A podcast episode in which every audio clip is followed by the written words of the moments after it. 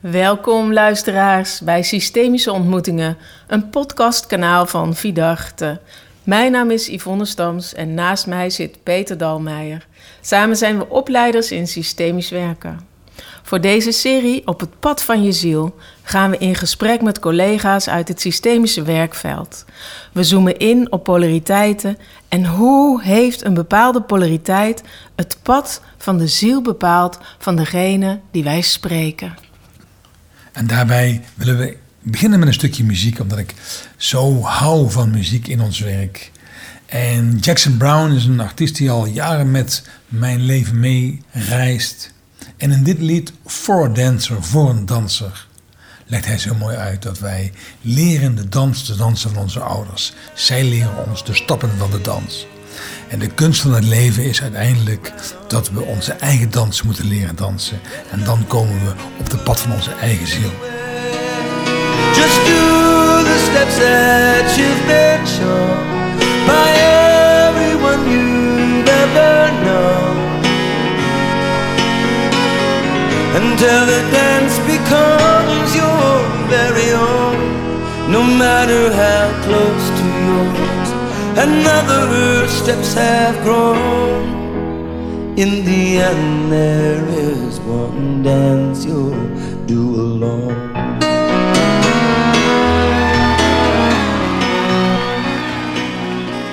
Dag luisteraars, welkom. Welkom bij weer een nieuwe aflevering, een nieuwe serie zelfs. In het kader van systemische ontmoetingen, Yvonne, gaan we het nu hebben, oh, duiken in dynamieken over een nieuw onderwerp. Ja, we hebben een, eh, een wens om, om nog verder te duiken in, in dynamieken. Ja. En het woord wat in onze rondzong was polariteiten. Ja, polariteit, dat is natuurlijk een heel systemisch woord. Ja, we werken er veel mee in, in het systemische veld. Kom je de ene kant, Ja. iets wat op de voorgrond staat en iets wat op de achtergrond blijft, Ja, veel omdat we- tegen. Omdat we zo, zo makkelijk kunnen zeggen, alles wat erbij hoort, hoort erbij. We sluiten in. En aan de andere is niet kant. vanzelfsprekend natuurlijk Nee. in het leven. En er is veel te doen rondom het woord polariteiten. Maar Absoluut. ik weet niet of wij op die manier willen gaan kijken naar polariteiten, maar wel de ene kant, de andere kant. Of opgroeien tussen twee werelden. We maken er systemische ontmoetingen van, dat sowieso. Dat sowieso. En, Ja, en... wie hebben wij hier? Nou, nou, nou. Wie hebben wij te gast? Ja. Oh, wat vinden we dat leuk.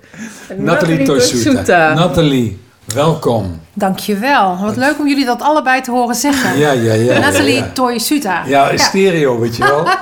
dat ben ik. Ja, Ja, zo Ja. fijn dat je er bent. Fijn dat Ja, jij er bent. fijn om bij jullie te zijn Ja. hier.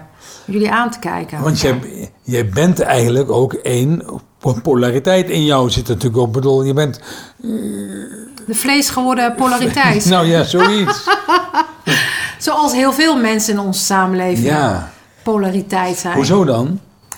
Nou ja, omdat je moet voorstellen dat er mensen met een, twee culturen in zich...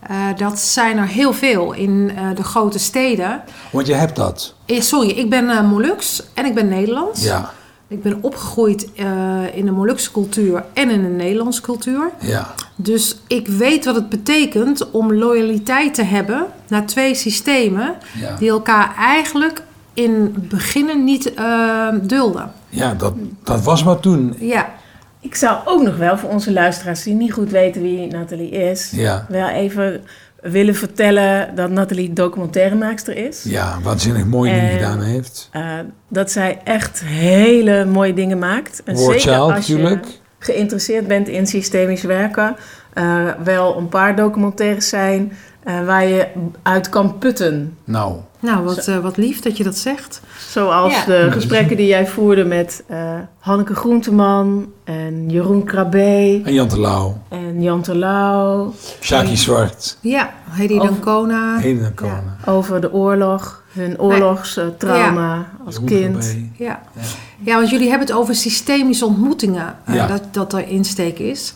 En ik denk dat bij, ehm, ik als regisseur, waarbij ik allerlei interviews maak en allerlei documentaires maak, ik eigenlijk in al mijn interviews, sinds ik de opleiding in systemisch werk heb gedaan, daar kennis van heb genomen, Ja, eh, zijn al mijn interviews systemische ontmoetingen. Zonder dat ik het natuurlijk dat woord geef. ja, Want zoals jullie zeggen van, goh, je hebt een aantal bekende Nederlanders gesproken over de betekenis van oorlog voor hen. Ja, is elke elk gesprek of elk interview wat ik doe, is dat eigenlijk zoals ik kijk. Dat is niet een heel bewust voornemen, Nee. maar al mijn vragen komen daar wel uit voort. Ik weet bijvoorbeeld, ik heb Adriaan van Dis ook uitgebreid geïnterviewd. Ja. En die mailde mij ook s'avonds van... eh, ongelooflijk, dit interview wat je hebt gedaan. Hmm. Bewonderenswaardig hoe je dat doet. En dan zou ik hem het liefst willen zeggen... oh, maar dat heb ik vanuit systemische principes gedaan. Ja. Terwijl dat is natuurlijk ook niet helemaal waar. Het is de techniek die je toepast... plus wat je van jezelf daarin inbrengt. Ja. Maar ik heb wel met heel veel mensen op die manier een systemische ontmoeting. En dat zijn hele bijzondere ontmoetingen waar ik heel dankbaar voor ben dat ze me die toegang geven. Want dat moet je altijd maar afwachten of je, of je, zo, of je dat mag. Plus dan, dan moet je als interviewer ook zelf gewaar van zijn van... kan deze vraag nu, past dat? Of Ja. ga ik dan, zit ik voor mijn eigen gewin? Af- afstemming. Ja, het is voortdurend afstemmen. Want als je interviewt, en met name voor tv, eh, dan ehm, moet je je heel goed realiseren, vind ik, dat je in de, met de geïnterviewde een één op één gesprek hebt, maar dat jij als interviewer hoort te bewaken dat, er, dat die persoon zichtbaar wordt voor heel veel mensen. Holding space. Ja, voortdurend. Dus op het moment dat iemand breekt, wat natuurlijk eh, ook gebeurt in gesprekken. Het is niet live, hè, dus dan zal ik dat niet altijd laten zien. Eigenlijk maar zelden. Ja. Omdat ik weet dat het op dat moment in de één op één ontmoeting speelt. Maar dat het te intiem en te naakt is voor een uitzending. Omdat het een bekend persoon is. Ja, of soms zijn het ook onbekende personen, maar dan denk ik dat hoorde thuis in onze ontmoeting. En dat zou voor de promo's fantastisch zijn als het een bekende Nederlander is, Ja. want die heb ik natuurlijk dan ook nog. Ja. Maar het dient niet die persoon Ja. en het wordt te naakt. Ja. Het, wordt, het, het klopt niet meer. Het universele gaat eraf. Ja, of het universele, ik vind het dan schaamteloos worden. Dat je dus denkt van, nee, dit moet ik niet doen. Want dit, is, eh, dit was veel meer in de één op één ontmoeting. En die tranen horen hier en thuis, maar moeten niet op de buis. En Ja. daarmee zeg je eigenlijk, wanneer je een interview hebt, wat ve- veel meer een systemische ontmoeting is, maakt mensen ook kwetsbaar. Heel kwetsbaar, ja. Ja, want ze zijn verrast door je vragen. Want ik interview natuurlijk inderdaad mensen die veelvuldig geïnterviewd zijn. Zoals Ja. Adriaan van Dees, Jeroen Krabbe, Hanneke. Ja. Nou, noem ze allemaal maar op. Ehm, maar ergens komen we op een ander vlak. Ja. We komen op een vlak waarin ze zichzelf onbewust kennis maken met wie ze ook zelf zijn. Hmm. En, eh, en dat kan ze ook eh, verrassen, kan ze emotioneren. Hmm. Dus ik heb inderdaad wel een aantal interviews met mensen, zoals Hanneke. Dat heb ik uiteindelijk wel met haar toestemming mogen gebruiken, die heel erg moest huilen bij het interview. Ja. En ehm, nee, dus het zijn inderdaad, je verrast mensen doordat je eigenlijk op deuren klopt waar niet eerder op geklopt wordt. Hmm. En daar kan ik alleen op kloppen, omdat ik ergens bij mezelf, ik stap ook in het interview. Dus ik ben er niet alleen maar de vraagsteller van een afstand. Nee, de vragen die ik aan hen stel, daarin doe ik ook zelf mee. Ja. Dus waardoor er een hele andere ontmoeting, een ander veld ontstaat, waarin veel meer welkom is dan hun alleen maar het verhaal wat ze altijd al naar buiten brengen. En dan, ja, dan ontstaat er een heel ander gesprek. En dan ontmoet ik ook delen in ze, zoals Adriaan van Dis mij mailde, dat hij zo verrast was over wat hij me allemaal verteld had. Ja. Eh, dan denk ik, ja, maar het is, het, het is niet, niet alleen dat, ik, dat het door mij komt, maar ik heb alleen maar wakker gemaakt wat er altijd al was. De onderstroom komt natuurlijk naar Ja. boven. Dus ik heb alleen maar zichtbaar gemaakt, of ik heb door mijn vragen en door onze ontmoetingen, waarin die ander wel in moet stappen, heeft zich iets geopenbaard wat er al lang was, maar wat nog geen woorden had. Ja. Eh, dus Heb dat. jij enig idee, ehm, want je hebt het over, eh, je doet zelf mee in het gesprek, zeg je dan. Weet je dan, wat, wat doe je dan als je zelf meedoet? En mezelf laten raken. En mezelf. ehm, dus op het moment. Ik, heb een, ik werk ook veel voor War Child. Dus ik heb Ja. veel alle documentaires bijna voor hen gemaakt. Dus ik heb veel oorlogsgebieden bezocht. En ehm, op een gegeven moment liep ik daarin vast. Omdat ik eh, zoveel gruwel- gruwelijkheid ontmoette. Dat ik dat van binnen niet meer op orde kreeg. Ehm, en toen ben ik in therapie gegaan. Omdat ik dacht van... eh, hoe kan het nou gewoon de onrechtvaardigheid van oorlog... en de vrijheid en vrede waarin wij leven. Mhm. Eh, dat, kon ik, dat kreeg ik niet meer helemaal op orde. En eh, toen dacht ik, ik werk bij Warchild omdat ik de wereld mooier wil maken. Dat is een hele cognitief besluit en een heel gevoelsmatig besluit. En toen kreeg ik eigenlijk van iemand de vraag van, maar voor wie doe je dit in je systeem? Dus naar wie is dit een liefdesbrief? Ja. Ik kan nog steeds stilvallen als ik dat zo. eh, Die vraag was mij nooit op die manier gesteld en ik wist onmiddellijk het antwoord. En? Dat was mijn, dit is mijn vader. Mijn vader is een Molukse, eh, is een Molukse jongen die in 1951 met de boten naar Nederland kwam. Omdat Nederlands-Indië eh, was overgedragen in Indonesië. En een Molukse volk, eh, of de Molukkers die aan de Nederlandse zijde gevochten hadden, tussen wal en schip vielen. Ja. En daardoor naar Nederland kwamen. Dus mijn vader was eigenlijk het resultaat van een oorlog, een onafhankelijkheidsoorlog, waardoor hij op, in een situatie kwam waarin geen enkele keuze meer was. En waarin hij zichzelf terugvond op een boot op weg naar Nederland. Mhm. Ehm, Vol met beloften. vol met beloftes, maar ook vol met verdriet al. Want hij was weggenomen door zijn vader van zijn moeder. Zonder dat zijn moeder daar toestemming voor had gegeven. Dus zijn moeder liep nog ergens radeloos zoekend naar haar kinderen. En hij was nog in de overtuiging, ik ga mijn moeder weer zien. En hij heeft zijn moeder nooit meer gezien. Dus eh, mijn vader is zo'n oorlogskind wat de weg is kwijtgeraakt. Dus op het moment dat mij werd gevraagd van... Goh, aan wie is jouw werk voor woordje een liefdesbrief? Ja, toen wist ik het. Dat is Ja. mijn vader. Dus op het moment dat ik aan Adriaan van Dis vragen stel... over de wond van zijn vader... En wat, wel- want zijn vader is een oorlogsge- eh, heeft, nou, die heeft een zwaar oorlogstrauma gehad... waardoor Adriaan een hele lastige jeugd heeft gekregen.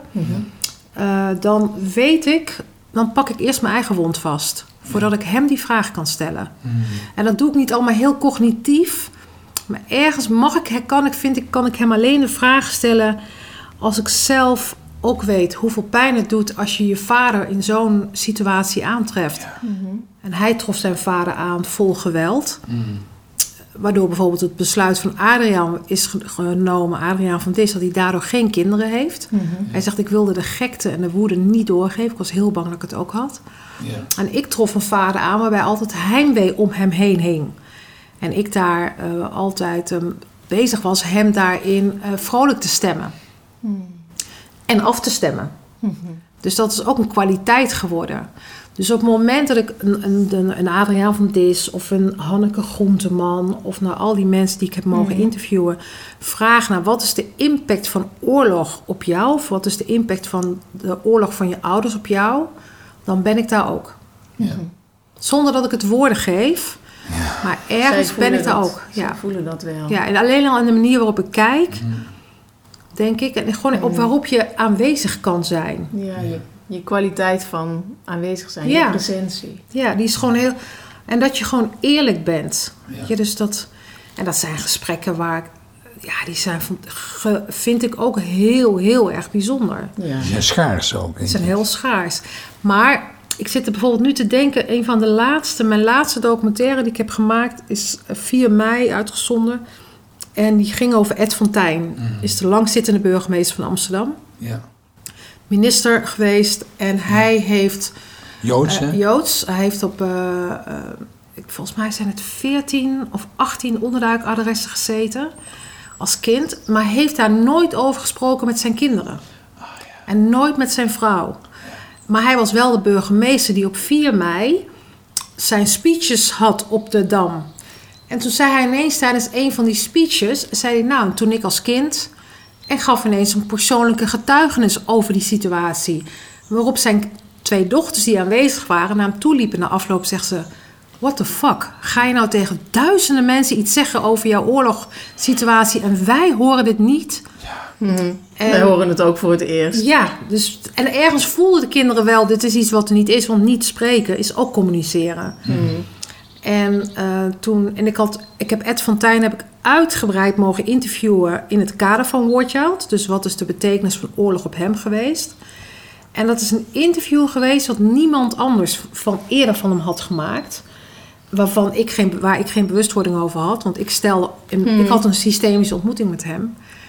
En toen hij stierf, eh, twee jaar geleden. Toen heb ik onmiddellijk de NPO gemaild eh, van... ik vind dat deze man een documentaire verdient. En die kreeg hij ook, die kon ik gaan maken.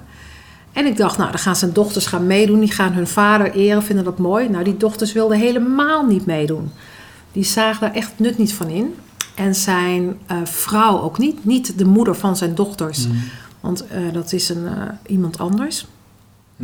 Dus ik heb toen heel hard moeten werken en bij mezelf moeten aftasten van ehm, waar wil ik nou deze dochters en die, eh, zijn vrouw mee laten werken ten behoeve van mijzelf, zodat ik deze mooie documentaire mag maken, of werkelijk om het grotere verhaal te vertellen.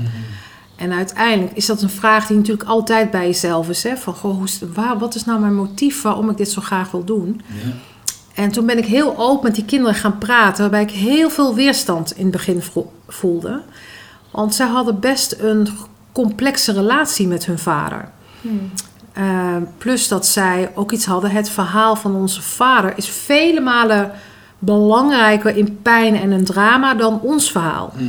Terwijl zij zijn kinderen van een vader die op 18, sorry, 18 onderduikadressen heeft gezeten. Tja. En daar niet over sprak. Dus ergens was een deel van hem niet bereikbaar. Nou, dat is een documentaire waarvan ik zou zeggen... als je systemisch wil kijken wat voor impact oorlog heeft... op een gezin in het hier en nu. Want ook zijn kleindochter heb ik mogen interviewen. Eh, en wat het betekent als mensen gaan zwijgen... Ja. moet je die documentaire kijken. Mooi. De documentaire heet ook een oorlog die nooit overging. Mooie tip. Waar, Ja. waar kunnen mensen die nu luisteren deze documentaire terugvinden? Die kunnen ze sowieso terugvinden op NPO Start. Mhm. En ehm, ik zal op mijn site medialuna.nl zal ik een linkje zetten. En volgens mij staat die er al. Want elke documentaire heeft een eigen pagina. Ja. Ja, goed. Ja, maar het is wel serieus een documentaire waar ik ook ongelooflijke mooie recensies over kreeg van alle grote kranten. Van Ja. Dit Was liefde gemaakt, kan ik wel goed horen. Het, ja, ik kan nog steeds, raak me nog steeds als ik erover vertel. Want ik zie deze mensen natuurlijk voor me. En het mooie is, ze hadden ook onderling allemaal niet zo goed contact. Of tenminste niet met de, de, de vrouw van Ed van Tijn. En het compliment wat zij me gaven was...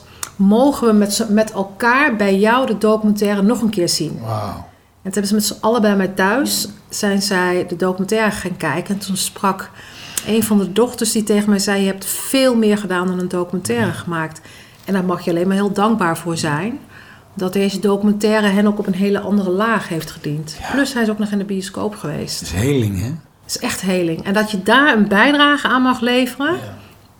ja, dat is gewoon heel groot. Ja, dit schetst denk ik wel heel mooi eh, wat voor een vrouw jij bent en hoe jij documentaires maakt. Dus mensen hebben denk ik zo gelijk een, een beeld en een gevoel bij jou. Ja. Hoe, hoe passievol en, en intens, maar ook onderlegd en met veel gevoel jij eh, in je werk staat en de ontmoetingen, de systemische ontmoetingen ingaat. Ja. Weet je wat ik zo van jou eh, geleerd heb over dat stuk van de Molukkers die naar Nederland kwamen? Dus eh, rondom Ereveld voor Leven, waar jij ook initiatiefnemer van bent, heb jij eh, ook het Ereveld voor de eh, knillers van toen. eh, ja, of nieuw leven ingeblazen of zelfs opgezet. Want het Opgezet, was, het was ja. er nog niet eens. Nee, het was er niet. Nee. En zou jij eens, een- want het komt veel terug, vind ik, in opstellingen. Zou je onze luisteraars willen vertellen over hoe ingewikkeld, complex eh, dat zat? Nou ja, ehm, moet ik even eh, nadenken in de zin van... Kijk, Nederlands-Indië is eh, sowieso nog steeds een complex hoofdstuk binnen de Nederlandse geschiedenis. Omdat het natuurlijk een hele lange kolonie is geweest van Nederland. En, ehm, en ergens Nederland het moeilijk vindt om daar openbaring over te geven. Over wat dat nou precies was. Maar niet alleen de Nederlandse kant, maar ook de Indische kant. Ehm, dus dat veld is nog vers of is nog. Dat, dat is complex. En tegelijkertijd denk ik altijd bij complex, nou, je moet het niet complexer maken dan het is. Want het was.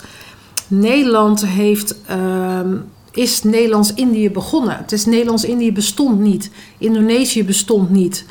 Eh, dus zij hebben eiland voor eiland hebben zij veroverd. En dat in kaart gebracht als Nederlands-Indië. En dat is uiteindelijk Indonesië geworden. Dus het is niet zo dat er eerst een heel groot eilandenrijk als Indonesië... waar Nederland eigenaar van werd. Nee, ze begonnen heel klein op de Molukken als allereerste. Omdat daar de nootmuskaat en de kruidnagel groeiden. Specerij, ja. En die waren meer waard dan goud. ja. Dus op de- hun eerste landing van de Nederlanders was in Ambon op de Molukken. En, eh, en zij hebben met de Molukkers ter plekke, die hebben zij ingelijfd of aangenomen en gezegd: help ons de overige eilanden te veroveren. En ehm, de Molukkers zijn dat eh, mede gaan doen, omdat op de boerderijen, of op, het land waar de kruidnagel en de nootmuskaat groeiden, was niet meer heel veel eh, omzet, zou ik maar even plat te zeggen, te halen. Dus er was ook niet voor hen heel veel keus. Dus zij zijn aan Nederlandse zijde, zijn zij met kennis van de eilanden om hen heen, zijn ze eiland voor eiland gaan veroveren. En dat hebben ze heel lang gedaan. En ehm, dus de, de, de contouren van Indonesië vandaag de dag zijn nog steeds de contouren die toen zijn afgezet. En de Molukkers hebben dus altijd aan de zijde van de Nederlanders eh, meegevochten. En hebben zich daar ook speciaal in gevoeld. En woonden op de kazernes met de Nederlanders. En hezen 's ochtends ook de vlag en zongen ook het eh Wilhelmus Loyaliteit, enorm. enorme grote loyaliteit. En op het moment dat er dus in, ehm, tijdens de Tweede Wereldoorlog viel eh, een, een, Hey, Kobus. Onze hond gaat even Ja, die heeft... eh, een kijkje nemen wat er aan de andere kant te zien is, luisteraars. Kan wel even duren. Nee, die ziet gewoon een vogel. Maar ehm, nee, dus je moet je voorstellen dat er was zo'n diepe loyaliteit... dat toen eh, in de Tweede Wereldoorlog heeft natuurlijk ook Nederlands-Indië bereikt. Ja. En eh, wat ik altijd bijzonder vind is dat heel veel mensen dus zich dat niet realiseren. Want in 1942 vielen de Japanners vielen Nederlands-Indië binnen. Ja. En de Japanners en de Duitsers waren samen. Ja. En eh, op het moment dat Nederland haar bevrijding viert, op eh 5 mei, waren de Nederlanders die in Nederlands-Indië woonden, ruim 200.000, waren nog lang niet bevrijd. Die leefden nog steeds onder het juk van de Japanners. En pas op 15 augustus werden zij bevrijd. Ja. En een dag later riep de onafhankelijke, eh, riep een aantal ehm, jongens, Indonesiërs, riepen de onafhankelijke Republiek Indonesië uit. Toen brak daar de oorlog over uit, want Ja. Nederland dacht, wacht even, wij moeten jullie wel houden als kolonie, want daar halen Ja. wij veel geld uit. Ja. En toen is er een onafhankelijkheidsoorlog begonnen, waarbij Molukkers aan Nederlandse zijde de onafhankelijkheid hebben Mijn bestreden. vader heeft daar gevochten ook. Ja. Ja. Ja, dus, dus Nederlands-Indië doet veel meer in onze geschiedenis mee Ja. dan we zouden willen soms. En de Molukkers stonden, als je het heel plat zegt, aan de verkeerde kant. Volgens de, zegt de geschiedenis nu. Ja. Want de onafhankelijkheidsstrijd van de Indonesiërs was in die zin terecht. ja. Maar ja, de Molukkers waren al eeuwenlang loyaal aan de Nederlanders. Die waren al ingezogen aan de ene kant. Die zaten helemaal in het systeem van de Nederlanders. Ja. Dus op het moment dat Nederland gedwongen werd om Nederlands-Indië op te geven, gedwongen door de internationale gemeenschap, die zeiden: jullie moeten nu kappen met die eh, kolonie daar. Maar toen was het ondertussen al. 1949. Ja. Toen, eh, toen hebben ze in de december heeft Nederland de overdracht moeten doen van Nederlands-Indië naar de onafhankelijke Republiek Indonesië. Sukarno waarschijnlijk? Of, Eh, ja, het was nog Hatta en ik Ja. dacht daarna het is ook Sukarno. Ja. Maar Ja. je moet je voorstellen dat Nederland dat helemaal niet wilde. Maar doordat ze anders, als Nederland het niet deed, werd de Marshallhulp in Nederland gestopt. En de Marshallhulp is de hulp die Nederland kreeg vanuit eh, de wereld om Ja. Nederland weer op te bouwen.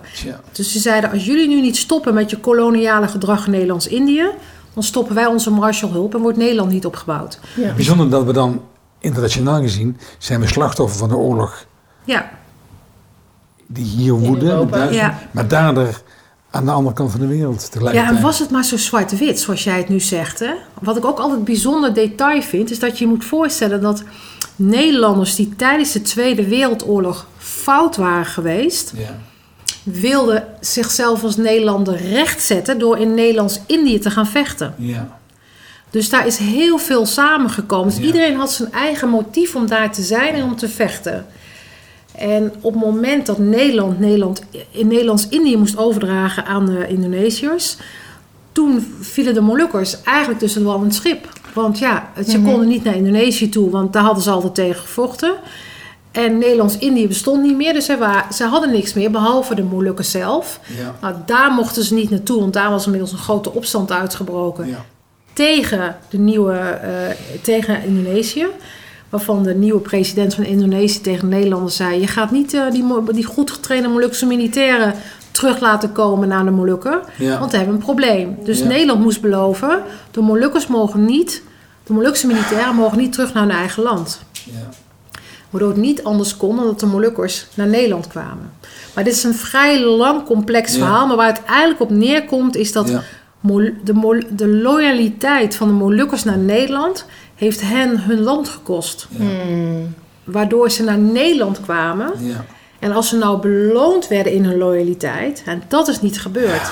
Zij werden vervolgens bij aankomst ontslagen.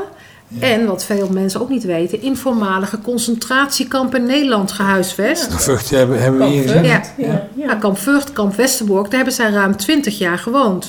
Dat weet niemand. Omdat men iemand heeft gezegd: Goh, er komen straks 12.500 Molukkers naar Nederland. Ja, die hebben we nog.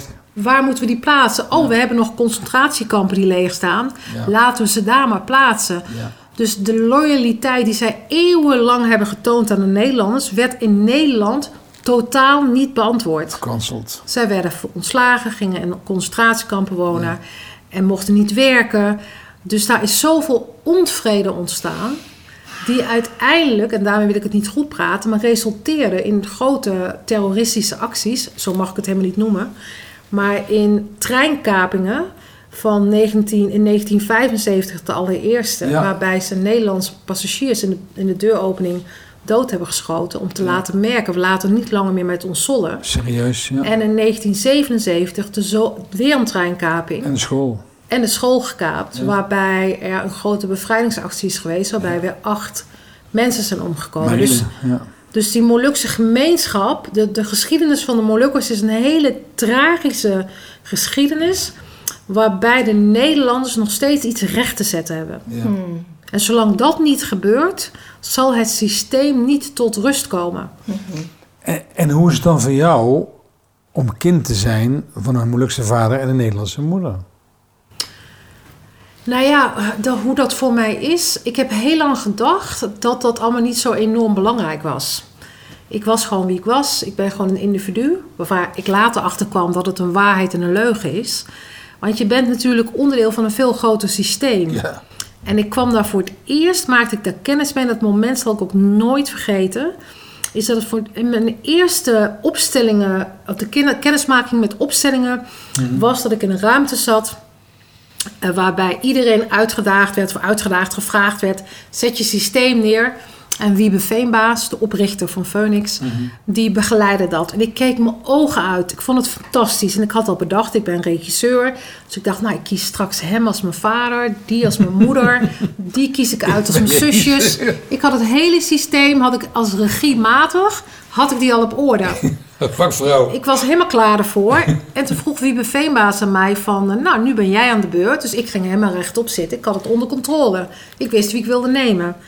En toen zei hij ook... Zei hij, jij weet waarschijnlijk al wie je allemaal wilt hebben. Ja. Ik zeg, ja, ja, ja, ik ben er helemaal klaar voor. Nou, zei hij, we gaan het alleen even iets anders doen.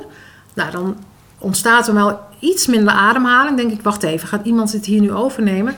Zegt hij, eh, eh, ik vraag jou om Indonesië op te stellen.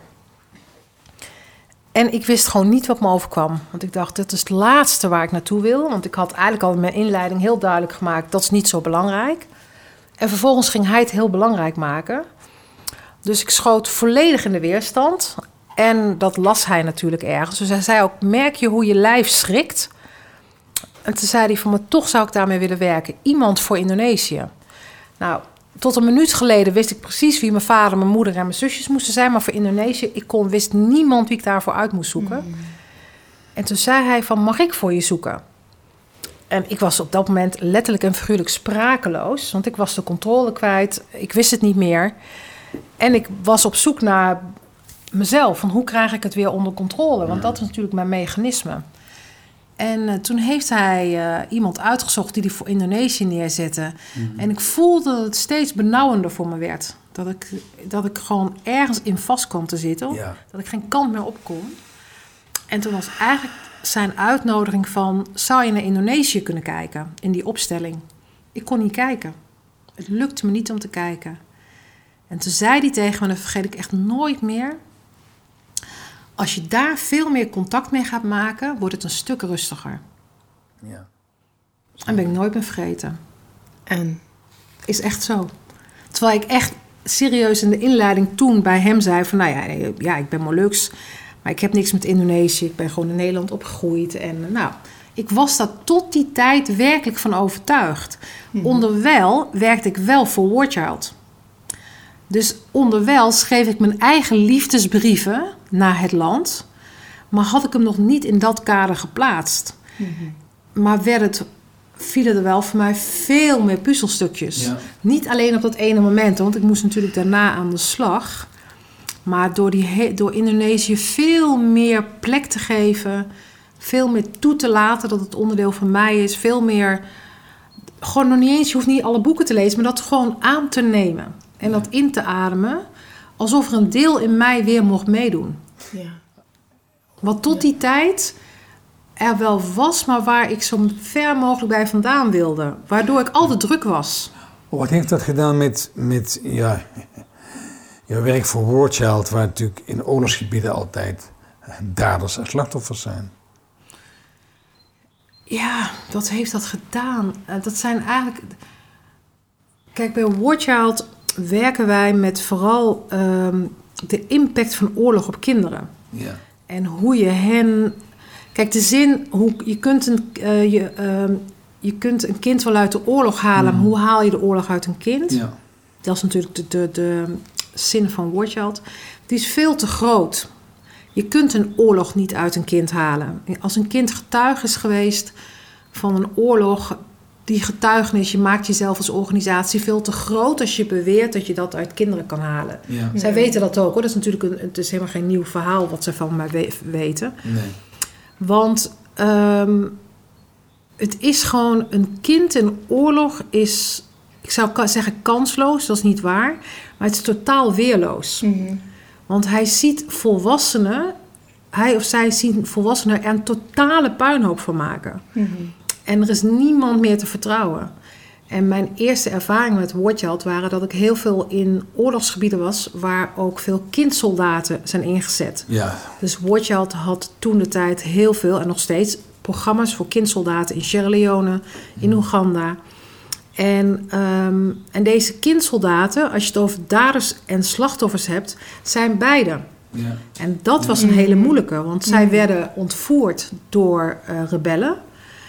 En om ontsnapping van deze kinderen te vo- te voorkomen, werden zij gedwongen door de rebellen om in het dorp verrichtingen te doen waar zoveel schaamte over was, tot het vermoorden van hun ouders en nou ja, nog veel, nog, je kan je niet voorstellen dat het nog erger is, maar ze hebben heel gruwelijke dingen moeten doen. Waardoor de rebellen wisten, we hebben de pas afgesneden dat ze ooit hier naartoe kunnen terugvluchten. En eh, daarna waren die kinderen zo verbijsterd over wat ze hadden, moesten doen, hadden moeten doen. Dat ze daarna in een soort trance meegenomen worden door de rebellen en ingezet worden als kindsoldaten in andere conflicten. Ja. In de beroving van andere dorpen, waarbij het niet alleen maar beroving is, maar verkrachting, vermoorden, Ja. eh, gruwelijke dingen met deze mensen doen, waar al deze kinderen aan meegedaan hebben. En ehm, ik heb kinderen geïnterviewd, best wel veel, met natuurlijk een tolk van Watchald erbij. Ik heb altijd twee oortjes in, eentje voor de... Voor de eh, ik zit altijd een tolk ook in mijn oor, want ik versta natuurlijk niet hun taal. En ik heb voor het eerst, zonder dat ze het merkten, mijn oortjes uitgedaan. Omdat ik de antwoorden niet meer aankon. Die waren zo gruwelijk. Want zo'n kind liep gewoon leeg over wat hij allemaal had moeten doen. ja, die kon eindelijk zijn verhaal vertellen. kon eindelijk zijn verhaal vertellen. En waarmee je ook daderschap in hem aantreft. Huizen in brand gestoken, waar allemaal mensen in zaten. Auto's in brand gestoken, waar allemaal kinderen in zaten. Zwangere buiken opengesneden. Met weddenschap is het een meisje of het is een jongen. Eh, kinderen, nou ja, ik kan, ik kan maar doorgaan. Doe maar niet. Nee. Koude rillingen. Nou ja, en doe maar niet, Peter. Dat is dus mijn grootste klus geweest. Want op het moment dat ik terugkwam, zeiden ook mijn vriendinnen... en, en nou, doe maar niet. En ik werd woest. Want ik dacht, denk je dat deze kinderen een keuze hadden met doe Ja. maar niet? Ja. Er was Ja. geen enkele keuze voor deze kinderen. Ja, ja. En deze kinderen moesten daarna weer op het moment dat ze wisten te ontsnappen... Mm. of dat ze bevrijd werden, moesten ze, werden ze, moesten ze terug. Maar waar naartoe? Ja. In het dorp konden ze niet meer terugkomen. Want ze hadden hun eigen ouders vermoord of zusjes of broertjes vermoord. Heel rauw. Dus die moesten dan in een ander dorp meedoen. Maar dat dorp wist onmiddellijk... oh, dat zijn eh, kinderen die eh, zijn als kindsoldaat geweest. Je ook niet. Dus het is een enorme helse klus voor die kinderen... om hem bestemming weer te geven. En dat woordje dat die klus heeft opgepakt... ja, maak ik een diepe buiging voor. Want die hebben die kinderen weer via allerlei creatieve programma's... het klinkt nu als een, als een commercial verhaal, maar zo was het wel... Ja. de kinderen uit het dorp met deze kinderen weer samen laten werken. En sport laten spelen, eh, dansen, waardoor ze ergens weer onderdeel mochten zijn van. Maar dat is dus daardoor slachtoffer, met name in landen waar kindsoldaten zijn ingezet, is dat ontzettend lastig. Want het is gewoon, eh, deze kinderen, zijn ze dader?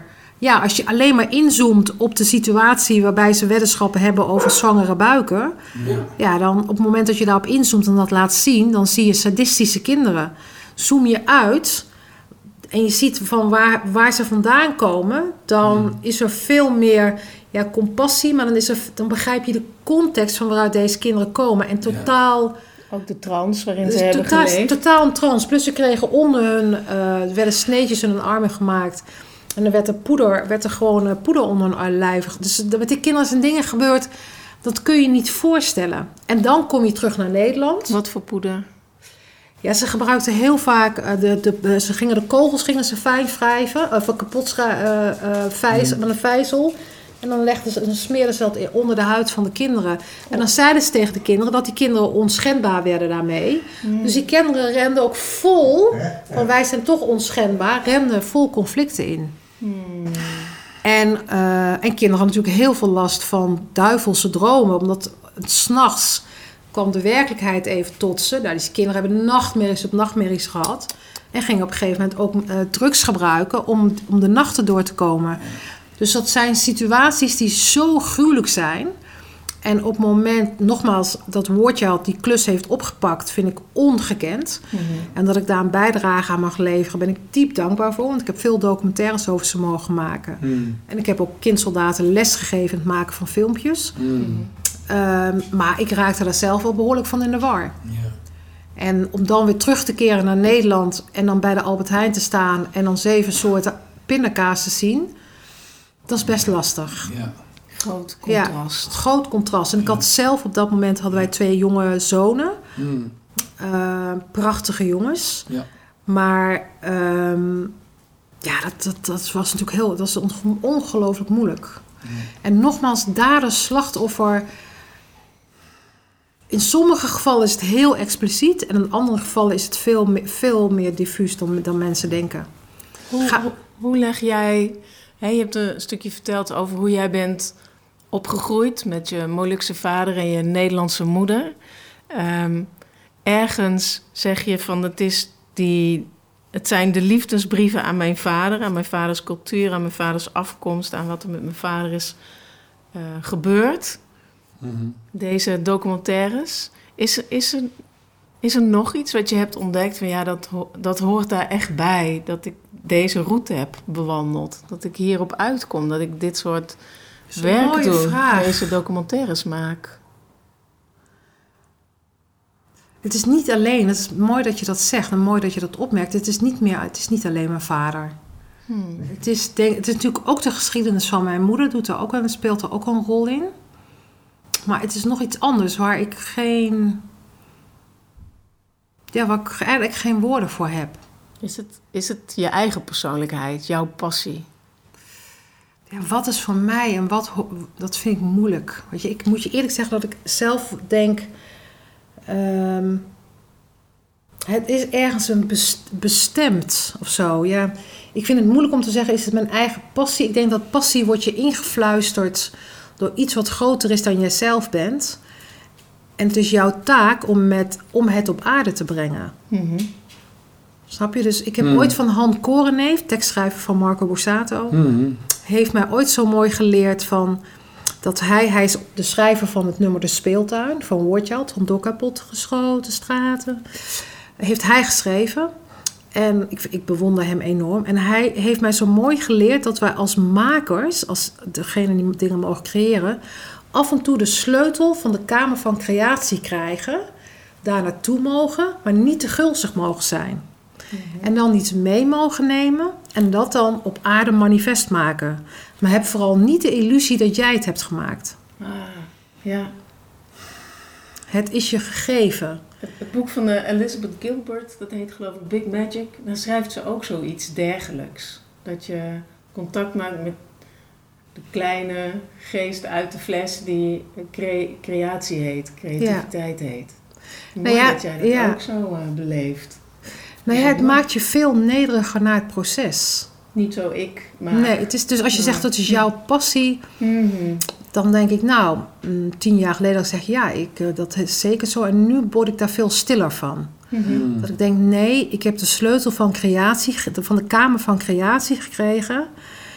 En ik mag daar soms zijn, en ik mag er soms iets ophalen. En ik mag het hier op aarde manifest zetten, maken. En dat maakt het veel, veel, je bent veel dienstbaarder. En wat ik wel mooi vind, wij, wij, wij wonen in Amsterdam-West, in Osdorp. En onze kinderen zaten op school in Amsterdam-West. En hadden veel ehm, kinderen, wel veel vrienden met een islamitische achtergrond. En die hebben zo mijn prachtig woord geleerd. Dat als zij een goed proefwerk hadden gemaakt. En zeggen, goh, mooi gedaan. Dan zeiden ze alhamdulillah. En alhamdulillah betekent alle lof is voor God. Mhm. Dat is voor mij hetzelfde. Dus zij nemen een compliment niet aan op ik. Mhm. Maar het is alhamdulillah, alle lof is voor God. En als ik dat zeg, kan ik het weer op kippenvel voelen. Dus op het moment dat mensen mij complimenteren over, eh, nou, zoals jullie dat kunnen doen, hè, Mhm. dan weet ik ergens, er, het is natuurlijk, ik ben heel trots op dat ik de moed heb om het manifest te maken.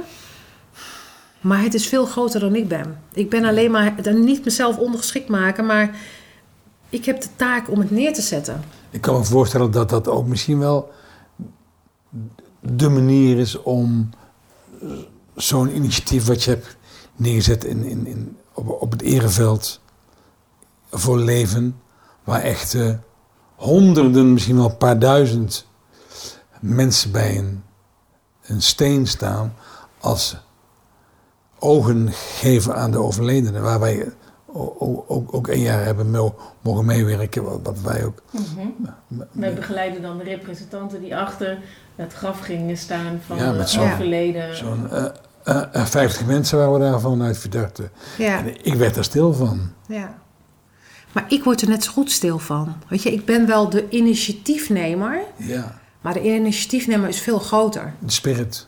Dat is, dat is, ik ben, de initiatiefnemer is, was er al, alleen ik werd ingehuurd, zou ik maar zeggen, om het te gaan doen.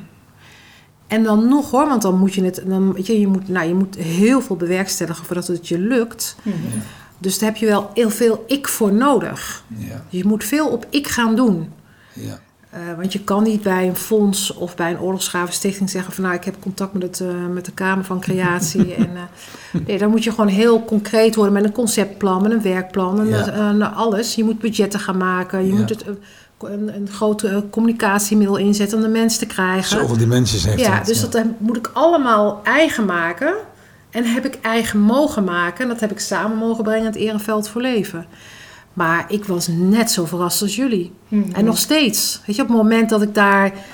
ehm, dus, dan staan er 700 mensen achter de graven. En dan eh, loop ik daar rond. Zo indrukwekkend. En dan loop ik daar rond als tussen aanhalingstekens initiatiefnemer. En niet tussen aanhalingstekens, want ik ben de initiatiefnemer.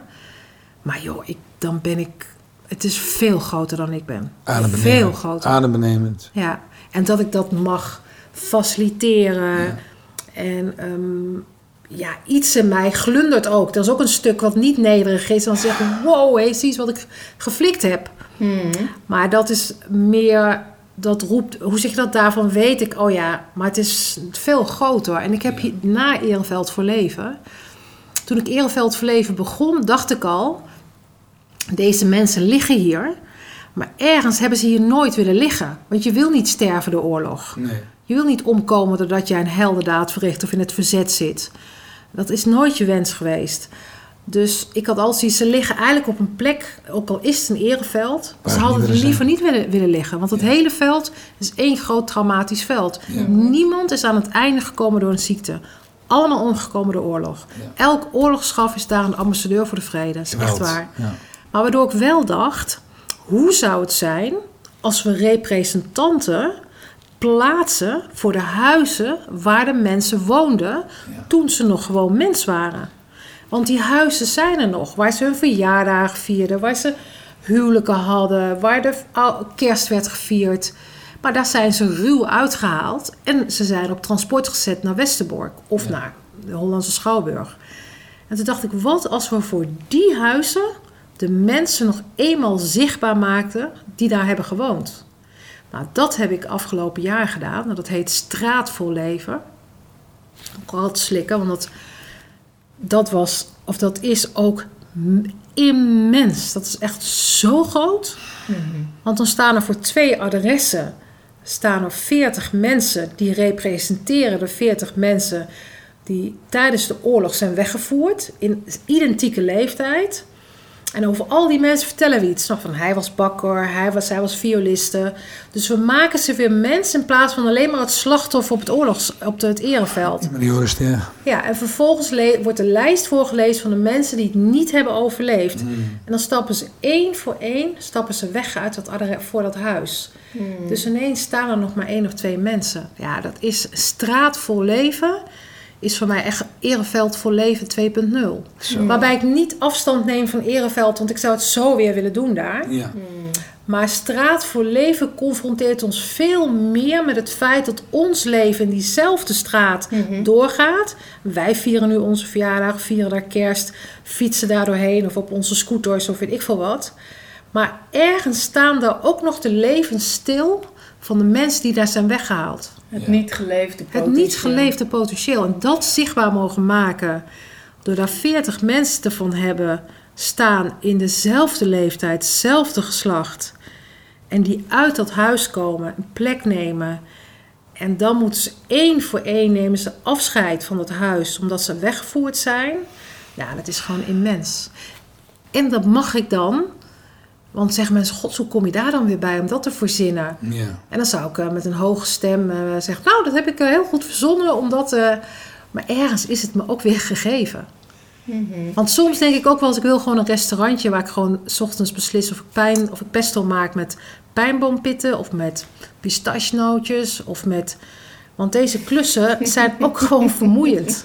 En zoals ik jou ken, met, Lekker met he- cappuccino. Ja. hele goede cappuccino. Ja. Maar daar heb je het altijd over. Ja, nee, dat is voor mij. Maar dat is wel als inderdaad. Ik sta ook wel bekend als, als mensen willen weten waar je lekker koffietjes kan drinken. Ja. Kan je ook op mijn site terecht. Vind ik namelijk net zo belangrijk. Ja. Als Maar- wij op vakantie zijn, la- laat ik jou weten, zeg je, doe, doe, doe, doe even opschrijven waar je goed kunt eten. Ja.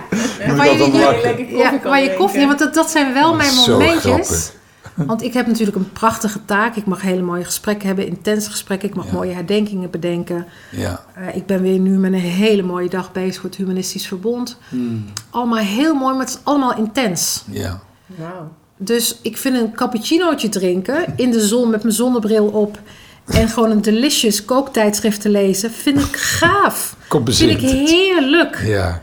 Ja. En eh, soms heb ik ook wel eens omhoog gekeken van mag het alsjeblieft stoppen. Is ik dat- heb wel genoeg is dat gedaan. de polariteiten in jou? Ja, zeker. Ik zou soms wel eens denken van... Ik ben ook wel moe. Of nou moe, ik ben niet moe. Maar ik denk wel van... eh, ik kan wel soms echt hardop naar boven zeggen... Hoeveel komen er nog? ja. Van die ingevingen, Ja. van die intense bij- klussen. Ja, zoals mijn man Rolf. Die zegt gewoon van één idee per dag. Want ik krijg zoveel ideeën. Ja. Eh, dus ik moet af en toe gewoon cappuccino drinken in Ja. de zon met mijn zonnebril en En een, eh, en een eh, delicious tijdschrift. Want ik wil niet de hele tijd met oorlog en vrede bezig zijn, met intense gesprekken. Ja. Maar ergens is het mij gewoon gegeven. Eén voorbeeld nog. Ik Maar maak. oor- oorlog en vrede vind ik wel mooi om even bij, Ja? bij stil te staan. Omdat we de, de onderwerpen die voorbij komen, hè, eh, War Child, eh, de bekende Nederlanders die je hebt geïnterviewd over de oorlog. Ereveld van Leven is, is oorlog. Dus we hebben heel veel eh, oorlog eh, benadrukt. En we waren ook op zoek naar eh, polariteit, polariteiten. Oorlog en vrede is een hele mooie. Oorlog, oorlog en vrede, ja, dat, dat blijkt dan de polariteit in, in jou. Ja, en waarbij ik dan ook wel zeg oorlog en vrede en vrijheid. Vrijheid. Want het is niet zo dat in elk land waar vrede is, er vrijheid is. Nee. Ah ja. Dus, Ja. als- dus dat is wel een belangrijk verschil. Dat ik zou zeggen van, er zijn best wel veel landen waar vrede is, maar waar geen enkele vorm van vrijheid is. ja. Dus dan is er een andere oorlog. Ja. Dus wij leven in Nederland in een, met een godsgeschenk. Dat wij beide hebben. Wij hebben gewoon vrede en vrijheid. En de minister-president kan uitgenodigd worden bij Veronica Inside. En dan kan aan hem gevraagd worden van neuk je nog wel eens. Ja, ik vind het vreselijk. Hè? Ik vind het afschuwelijk dat we in de Ik heb het maatschappij... niet gezien, maar dat Ik- is dus gevraagd. Ja, en dan heeft- had hij wel een heel goed antwoord. Ja, tuurlijk. Sommigen praten er heel veel over en doen het nooit. Ja. En anderen praten er niet over en doen het heel veel. Ja, dus ja, ik vond ja. hem ook wel, wel weer heel gevat. Maar het leek, wel alsof hij die uit zijn hoofd geleerd had. Dat, dacht- Zeker, zeker. Hij wist natuurlijk in welke sfeer die kwam. Maar ja, ja, ja. het feit dat wij in een land mogen leven waar we ons, waar we ons mogen uitdrukken over wat we vinden van onze minister-president. ja. Zonder daarbij opgesloten te worden. En dat ik in elk gezelschap kan zeggen van nou, ik ben tegen of ik ben voor dit of dat. Zonder dat ik op mijn hoede moet zijn. Ja. Of jullie niet morgen de geheime dienst gaan bellen. Mhm. Dat is een godsgeschenk. Ja. Mooi En dat, dat, je dat ja, dat benadrukt. is echt waar. Mooi En ik vind dat ja. mensen dat ontzettend moeten realiseren. Dat kan eigenlijk alleen maar iemand zeggen die ook zo de andere kant Andere kant kent. kent. Ja, en kennen, ik ben er getuige van. Dat zou ik ook nog wel zeggen. Kennen, ik ben er getuige van geweest. Ik zie het ook. Maar als je zegt dat, de, dat mensen... De, ik vind dat er in Nederland veel meer dankbaarheid mag komen voor dat stuk. Wees dankbaar dat, je, dat we hier ons mogen uitspreken. Wees dankbaar dat... er- Polariteiten mogen zijn. ja, dat de polariteit er mag zijn zonder dat je ervoor opgesloten wordt. En dat ze allemaal ingesloten zijn. Dat het? En ingesloten Ja. zijn. En niet Ik- uitgesloten nee. is. Dus je wordt niet uitgesloten als je tegen de VVD bent. Als je zegt dat de minister-president moet aftreden. Er is niemand, mensen, er is geen enkel gevaar. Ja. Joh, er zijn hoeveel landen waar als je dit roept, Ja. is een groot gevaar. Ja. Kun je het nog niet eens op een verjaardag zeggen, moet je op je hoede zijn. Joh, wij leven in een fantastisch land. Echt, elke keer uit welk land ik ook terugkeer en ik zie staan Amsterdam Schiphol, schiet ik altijd vol. Hmm. Dat ik denk, ik mag hier wonen. Ja. Ik mag hier zijn. We gaan afsluiten. Ja, Het is, eh, het is tijd om eh, Om af te ronden. deze eerste ontroerende, mooie aflevering af te ronden. ja. Ik heb ademloos naar je geluisterd. eh Dank je wel. Heel graag gedaan. Ik vind het altijd eervol om dit te mogen delen met jullie. Ja. We vinden het heel fijn dat je naar ons toe gekomen bent om, om, om, om dit met ons te willen delen. Tuurlijk, want we gaan nu lekker eten. Dan gaan we lekker eten. Luisteraars, De andere kant van de dit was de eerste aflevering in de uh, systemische ontmoetingen in onze nieuwe serie. Uh, dankjewel dat je er was, Nathalie Toysuta. Yvonne, we gaan op naar de volgende aflevering. Yes. Luisteraars, dank voor het luisteren en tot de volgende keer.